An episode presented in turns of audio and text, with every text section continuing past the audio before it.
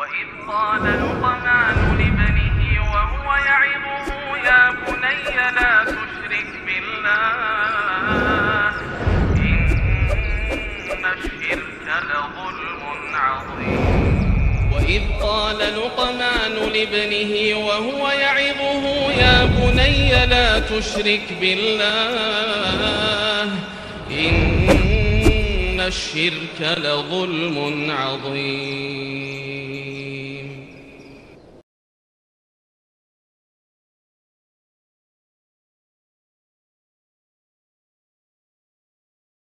السلام عليكم ورحمة الله وبركاته.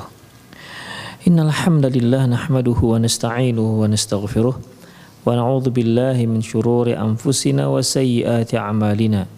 من يهده الله فهو المهتد ومن يضلل فلن تجد له وليا مرشدا. أشهد أن لا إله إلا الله وحده لا شريك له وأشهد أن محمدا عبده ورسوله الذي لا نبي بعده. وقال الله سبحانه وتعالى يا أيها الذين آمنوا اتقوا الله حق تقاته ولا تموتن إلا وأنتم مسلمون. وقال عز من قال يا أيها الذين آمنوا اتقوا الله وقولوا قولا سديدا يصلح لكم أعمالكم ويغفر لكم ذنوبكم. ومن يطع الله ورسوله فقد فاز فوزا عظيما.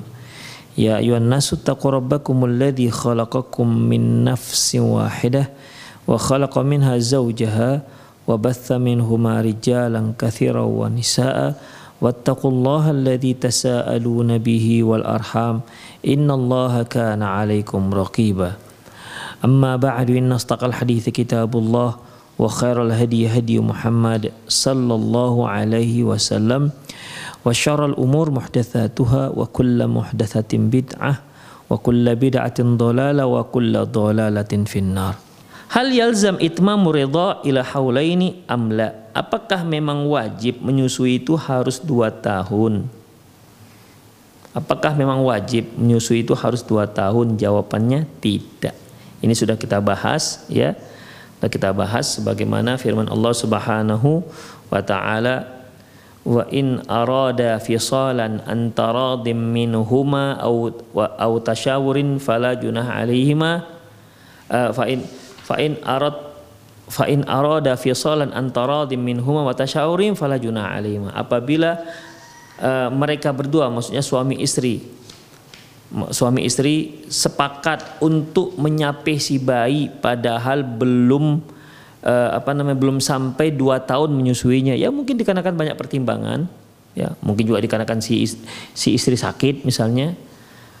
Berdasarkan atas keridoan mereka berdua dan berdasarkan atas hasil musyawarah fala junah alaihi maka tak mengapa. Jadi menyusui hukumnya wajib tapi berapa lamanya? Itu hukumnya sunnah.